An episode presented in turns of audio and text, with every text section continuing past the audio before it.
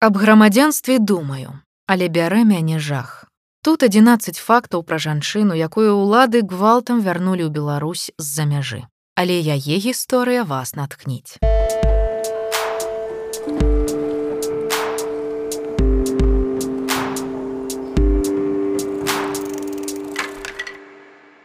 У панядзелак 6 лютага 2023 года Лукашенко падпісаў указ пра стварэнне камісіі для працы з тымі беларусамі, якія хочуць вярнуцца на радзіму пасля падзей 2020 года. Лукашенко і прапагандысты называюць такіх людзей на манер блатной фені з беглымі і злачынцамі. Але маўляў, калі пакаяцца і стануць ярымі ябацькамі, мы даруем. Цікава, што ў гісторыі Беларусі быў яскравы прыклад таго, як сістэма стараецца зламаць такіх людзей і як людзі застаюцца пры сваіх перакананнях да смерці. Мы маем на ўвазе паэтку, пісьменніцу і грамадскую дзяячку Ларысу геніюш. Вось 11 фактаў пра гэту жанчыну, якая стала гонарам і годнасцю свядомых беларусаў. Спачатку пару слоў пра тое, хто такая Ларыса геніюш. Ларыса геніюш нарадзілася ў 1910 годзе, не стала яе ў 1983. Беларуская паэтка, пісьменніца, грамадская дзяячка. Для беларускага руху яна стала сімвалам антысавецкага супраціву. Дзякуючы цвёрдым і самаахвярным перакананням, яе называлі нязломнай, няскоранай, бо да канца свайго жыцця ні яна, ні яе муж Янка геніюш, так і не прынялі савецкага ладу, нягледзячы на ціск з боку ўладаў. Ларыса паходзіла са старога шляхецкага праваслаўнага роду міклашевічаў.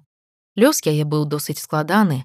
Восем гадоў ёй з мужам давялося правесці ў лагеры, прайсці праз катаванні і допыты. І самае галоўнае яе назаўжды разлучылі з сынам.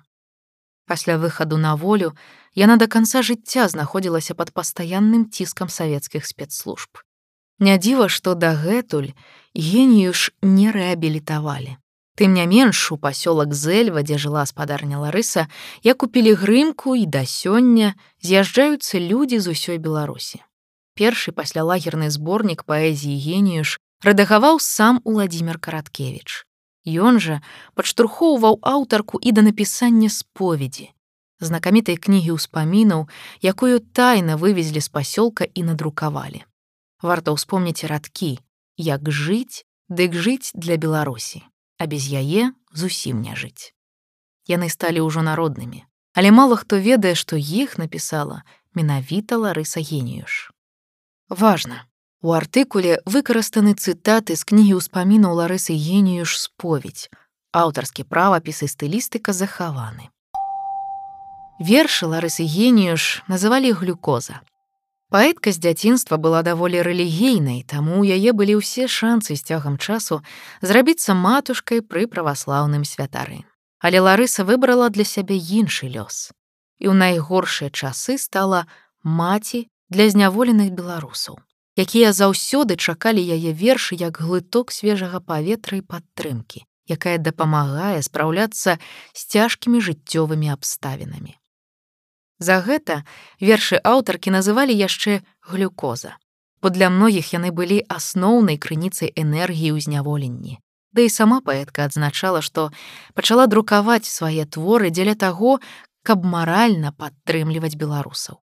Трэба было бараніць душы людзей ад германізацыі і фашызацыі, вартасцямі народнай душы культуры. Газеты за акупацыі былі гадкія, і толькі прабіваліся там іскры вершаў, з чаго і трэба было скарыстаць. Друкавалася я толькі ў раніцы, газеце для беларусаў за межамі свайго краю. З мужам янкам у іх быў даволі складаны і часам рызыкоўны перыяд заляцанняў. Да ларысы сваталася шмат семінарыстаў, але яна выбрала студэнта медыцынскага факультэта Карлава універсітэта. Тым не менш спадабаўся будучы муж паэтцы не адразу. Не мог спакойна прайсці ля мяне і лапаў усё, не толькі за руки, аж я зазлавалася. Але потым Янка змяніў сваю тактыку.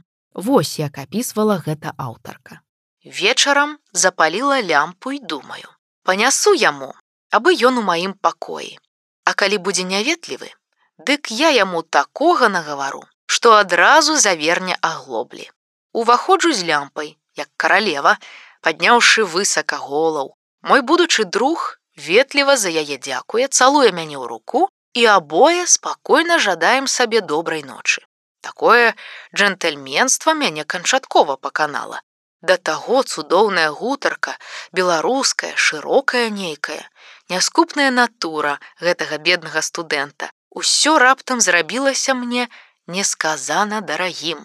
І я падзякавала Богу ў душы за тое, што ён усякімі дзіўнымі дарогамі прывёў яго з далёкіх чэхаў у нашу хату. Генію шледзня стала на чале беларускай дзяржавы. У 1943 годзе памёр ад сухотаў старшыня рады БНР Васіль Захарка. Перад смерцю ён казаў, што вельмі хацеў бы, каб яго месца заняла менавіта Ларыса Геніюш. Але ў тыя часы на такія пасады не прызначалі жанчын. Паэтка зрабілася генеральнай сакратаркай урады БНР у эміграцыі. Яна захоўвала і парадкавала архіў БНР. Дапамагала беларускім эмігрантам, палітычным уцікачам і ваеннапалонным. Найбольш каштоўную частку архіва Ларыса адправіла ў недаступнае для органаў НКУ СМДБ месца. Пазней за гэты архіў яе і будуць катаваць.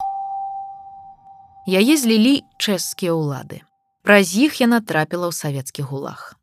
Пасля заканчэння другой сусветнай вайны Ларыса і Янка баючыся, што іх могуць арыштаваць і пакараць у сталінскім ССР, дабіваюцца чэшскага грамадзянства. На той момант сям'я жыла ў краіне ўжо 10 гадоў. Але пад савецкім прымусам сілавікі ўсё ж такі арыштоўваюць пару, пазбаўляюць грамадзянства, каб мець магчымасць выдаць савецкаму саюзу і выдаюць. У мінскай турме паэтку ўсімі спосабамі катавалі. Дапытваў яе і міністр дзяржбяспекі БССР крыважэрны лаўрэнцій цанава, які любым чынам намагаўся здабыць архівы БНР. Але пасля таго, як Ларыса адмовілася даваць паказанні на рускай ці чэшскай мовах, цанава ледзь не звар'яцеў і загадаў дапытваць паэтку дзень і ноч. Следчыя пагражалі голай павесіць яе на вуліцах мінска. Усіх нас вам не перавешаць, адказала Ларыса. Суд прысудзіў Ларысе і янку геніюшам па 25 гадоў пазбаўлення волі па артыкуле 58 дзяржаўнае злачынства і контррэвалюцыйная дзейнасць. Асабістым нумарам паэткі ў мінлагу у пасёлку інта ў комі быў 0287. Тая самая лагерная роба генію ж захавалася ў беларускай бібліятэцы музеі імя францыска скарыны ў Лондоне. У мінскай турме яе наглядчыкам быў зямляк, якога Ларыса генію ж ведала яшчэ з юнацтва. Як яна пісала ў сваіх мемуарах, гэты тупы цёмны чалавек нават марыць не мог аб нейкім прыбліжэнні да мяне. А ў турме быў важнай асобай і здзекаваўся надо мной як апошні садыст. Па ўспамінах аўтаркі гэты наглядчык прыходзіў да яе ў камеру і асабіста адводзіў яе ў лазню. Прысутнічаў пры купанні, паліў у пражарках нашыя рэчы, высмейваўся з нас. У гулагу яна не давярала беларускам, якіх лічылі купленымі. Тым не менш, дзякуючы ёй у лагерах утвараліся сем'і. Знаходзячыся ў лагеры Ларыса геніюш не давярала беларускам. Думала, што ўсіх іх запалохалі і купілі. Таму ніводнай нельга было верыць. Пры гэтым паэтка загадвала дзяўчынам перапісвацца з хлопцамі беларусамі. Многія з пар, якія такім чынам утвараліся, браліся шлюбам, загадала ім пісаць сябрам, а хлопцам апекавацца выбранымі. Многія з такіх параў пасля пажаніліся. Гэта было з мэтай, каб не забываліся родныя мовы, адчувалі абавязкі адносна сваіх. Пасля выхаду з турмы Ларыса так ніколі ў жыцці не бачыла свайго сына юрку.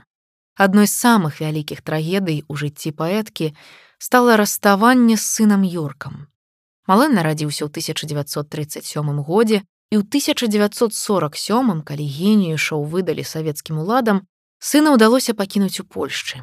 Спачатку ён жыў у кума, потым у сваякоў, так Юрка стаў фактычна сіратой пры жывых бацьках.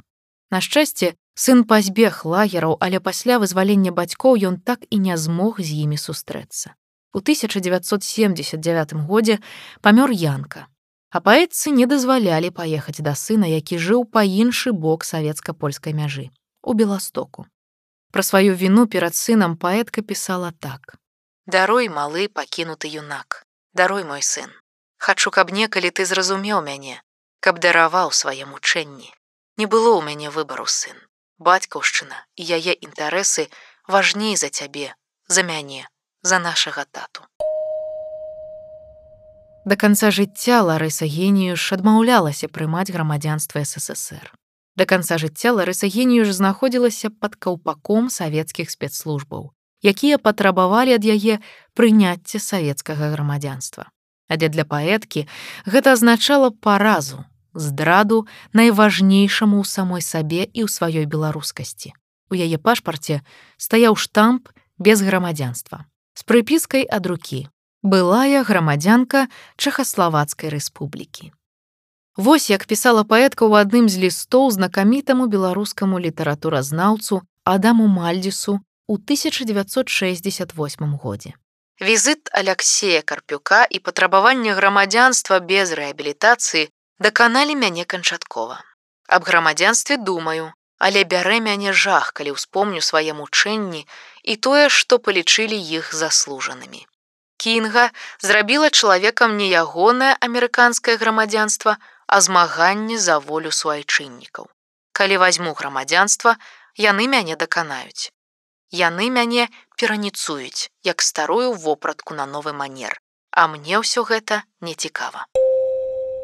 З-за кепскай беларускай мовы акцёраў геніюш расчаравалася ў купалаўскім тэатры. Пасля прагляду пастаноўкі купалаўцаў у маладзечне аўтарка пісала, што вельмі нервавалася, асабліва слухаючы галоўнага рэжысёра раеўскага. Божа мой, як знерваваліся мы учора гледзячы на купалаўцаў у маладзечне. Галоўнае, слухаючы галоўнага рэжысёра раеўскага. Што гэта? творыцца новая беларуская мова, Каму ж яе несці як узор як не купалаўцам. Адзіны тэатр і на такой вышыні. А гэтыя выйгрышныя сцэнкі шукшына. Такое трэба пакідаць для тэатру сатыры, ды і ў паўлінцы шаржыравалі, а гэта віна рэжысуры. Такія танныя эфекты і такі ўстыд. Беларускія ўлады дагэтуль не хочуць рэабілітаваць ларысу геніюш. Пасля смерці Сталіна геніюшаў адпусцілі з лагера, але поўнай іх рэабілітацыі дагэтуль не адбылося. Адпаведныя органы перагледзелі справу вязняў і прызналі іх вінаватымі роўна настолькі, колькі яны паспелі ўжо адседзець. 8 гадоў. То бок ларысу і янку хоць і выпусцілі, але абвінавачванняў не знялі. У 1999 годзе беларускі хельсінгскі камітэт звярнуўся ў пракуратуру Рэспублікі Беларусь з хадайніцтвам аб адмене выраку геніюшам.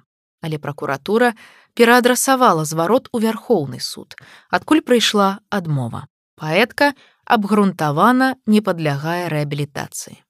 А прычыны адмовы могуць быць паведамленыя толькі самой рэпрэсаванай. Прытым, што пісьменніца памерла ў 1983 годзе. Падобны адказ быў атрыманы ў 2017 годзе актывістамі моладзевага крыла БНФ. І на дом, дзе жыла паэтка, дагэтуль не дазваляюць павесіць мемарыяльную шыльду. У зэльве побач з царквой і цяпер стаіць драўляная хата, у якой Ларыса генію ж пражыла 27 гадоў. Спачатку з мужам, а пасля яго смерці адна на невялікую пенсію, якую налічвалі ёй улады.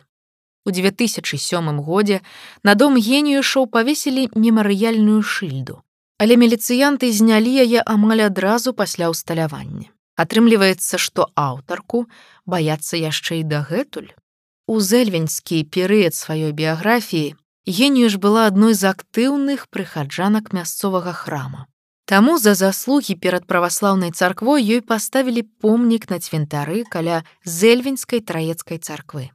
І гэта адзіны такі выпадак на ўсю Беларусь. А ў лістападзе 2022 года Блогерка-прапагандыстка з гродна Вольга Бондарова звярнула ўвагу на прыватны музей Анатоля Белага ў старых дарогах. Бюсты знакамітых беларусаў, устаноўленыя перад будынкам, яна назвала русаненавісцкай і пранацысцкай экспазіцыяй і паскардзілася раённаму ідэолагу.